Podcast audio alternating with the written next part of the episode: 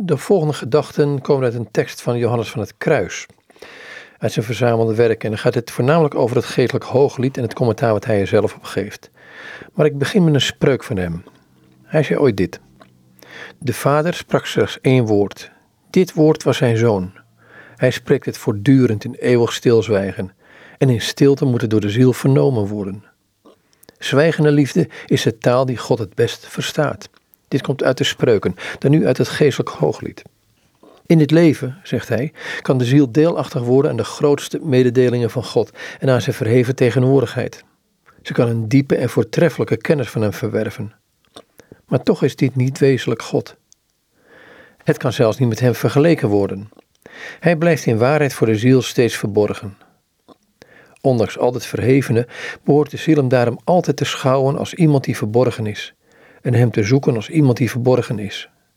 Het is dus niet de voornaamste bedoeling van de ziel alleen maar te bidden om een affectieve en gevoelige devotie, maar op de eerste plaats wil zij bidden dat hij op duidelijke wijze tegenwoordig komt.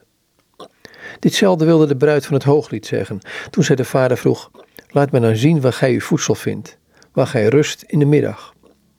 Want toen de ziel hem vroeg haar te tonen waar hij zijn voedsel vond, vroeg ze hem haar het wezen van het goddelijk woord, zijn zoon te tonen.